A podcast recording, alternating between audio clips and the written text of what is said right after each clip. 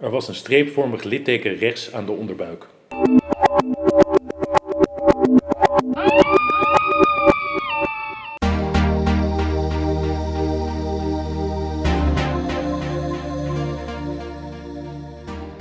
De kerkklokken bijeren hier ook op doordeweekse dagen aan één stuk door.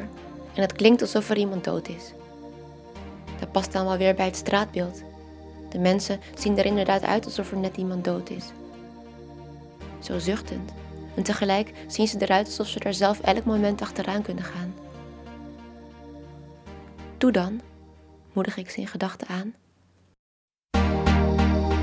Als er een record bestaat voor het luisteren van dit nummer, gaat die beker naar mij. Soms spoel ik de intro wel 30 keer achter elkaar terug en tuur over de tennisvelden. Met mijn kin op het houten kozijn van mijn dakraam lijkt het alsof ik net iets meer ruimte heb. De zon is supergeel en de hemel superblauw. En je ziet ongeveer waar de zon en die hele hemel eromheen samenkomen. Daar is een heel groot tussenstuk wit. Ik staar er net zo lang naar tot ik alleen nog maar zonne zie als ik naar de muur kijk. En ik probeer hem nog steeds die zonnevlekken te zien als ik Vicky bel. Ter herinnering aan dat ik blij moet zijn. Want met haar is altijd alles beter. Behalve soms dan. Maar die zonnen verplaatsen zich bij iedere keer knipperen en worden vlekkeriger en kleiner. En Vicky krijg ik niet aan de lijn.